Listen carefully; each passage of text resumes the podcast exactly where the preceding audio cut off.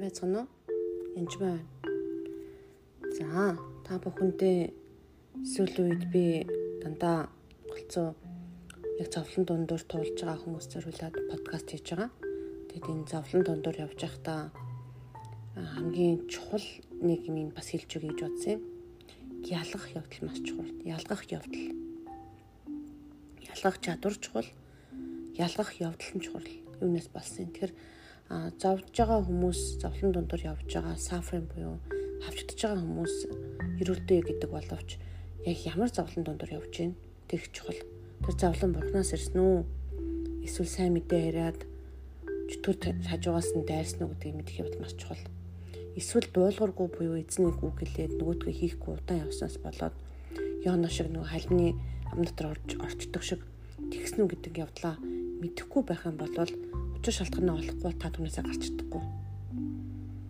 Тэгэхээр учир шалтгаанаа олохгүйгээс болж бурхныг бас буруу юм буруутгах асуудлууд ч байс байдаг. Тэгээд буруу үзэл бодол ч юм уу буруу оюун бодлоос орсон байдаг. Чиний бурханд бууж өгсөн ч гэсэн та оюун бодлоо шинжлэхгүй, зэгцлэхгүй, ханаас ирсэн учир нь олохгүй байх юм бол та нөхцөл байдлаасаа гарч иж чадахгүй. Тэгээ та тэр цүлд гоншгосноос орсон юм уу? Дуулуургүйгээс орсон юм уу?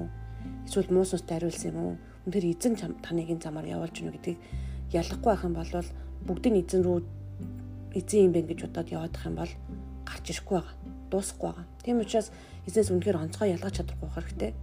Тэгээд онцгой ялгаж чадахгүйгаас гадна Библийг маш сайн унших хэрэгтэй. Яагад бол жишээл айдас байна. Та хэрвээ айдастай байх юм бол Бурханаас айдас эзээч ирдэггүй. Жишээлбэл Жишээлбэл нэгэн хэд хэдэн жишээ хэлж өгөл та манай эрчүүдийн группт хоёр дахь дурлах эрчүүдийн группт болдог байгаа. Тэгээд эрчүүдийн групп бол уулзаад ховж ярьдаг групп биш юусе имчилгээний чиглэлтэй тэр муу сус юм уу төсөв хийгдэж байгаа хаана юу болж байгаа асуудалтай одоо хүмүүсийг имчилдэг тийм уулзалт байхгүй юу. Тэр эмгтэй хүмүүсийн эрэгтэй эмч байдаг шиг эрчүүдийн бас эмгтэй эмч байж болно. Яг түнтэй л адилхан зүйл. Тэгээ манай группт орчход дандаа хүндрэлүүд болдог байгаа нэг хүн одоо чи энд орж яхав те чи хангалттай библ мэдэн штэ гээл эмгтэй үнтэй яар юу яхав те гэд орж ирээд эмгтэй хүн ингээд гарсан хүн байдаг. Дараа нь өө чи одоо яхав те компьютер тоглоомжийнхан тоглочихгүй одоо амарсан дээр штэ иймэрхүү юмдад орж яхав те гээл одоо чи унтсан дээр штэ гэж бүр нойр нүрээд унтах гад тэг тэгж яхад ихтер нь хилээд өөрөө ч гэсэн хүнийг орж үзээгээд орж ирсэн орж ирсэн өдрөө тэр цагтаа чөлөөлөгдөж идэрсэн байдаг.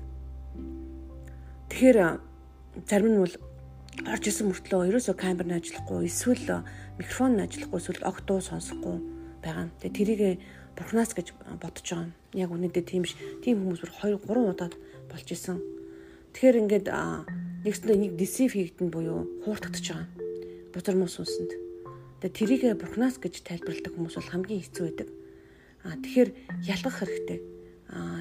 Ялангуяа хүүхд наснда айцтай хүүхд насны проблемтай хүмүүс тэсив хийдэгтэй буюу нэгсэндээ хуурдагдахтаа маш амархан байдаг. Тэгвэл баг насаас нь тэрийг хуурдагдсан, хуурсан учраас энэ бүх зүйлийг тэр одоо ч гэсэн хийсээр байгаа гэдгийг ерөөсөө ялгаж чаддаггүй. Тэл нэг залуу байсан байнгын яг сотхорол өөр хүн болж хуурдаг.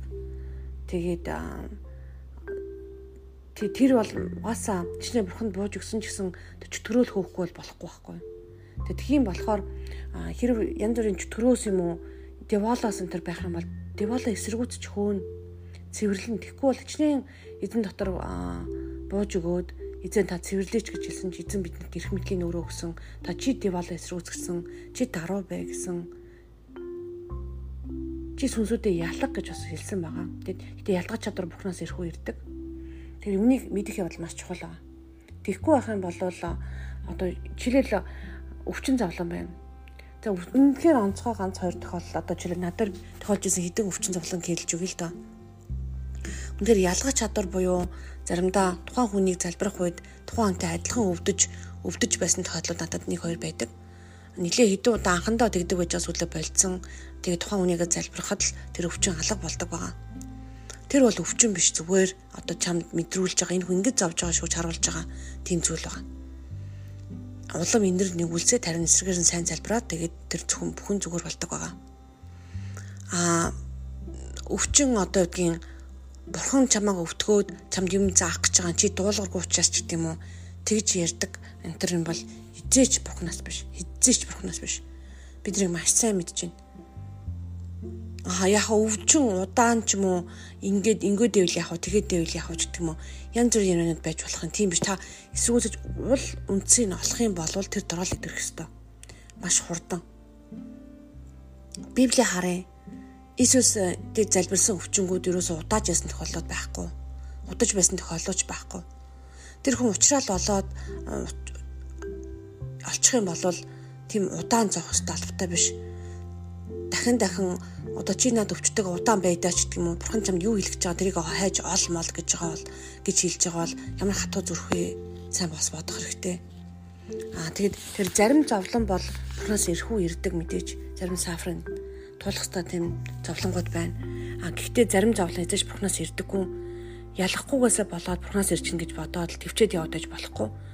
Яг хөөгөөд үзэх хэрэгтэй. Хөөгөөд болж гин үү? Эсвэл бурхан танд ямар илтэлт өгч гэдгээс сайн анзаарах хэрэгтэй. Бурхан танд хайртай шүү. Маш их хайртай. Бурхан бол сайн аав.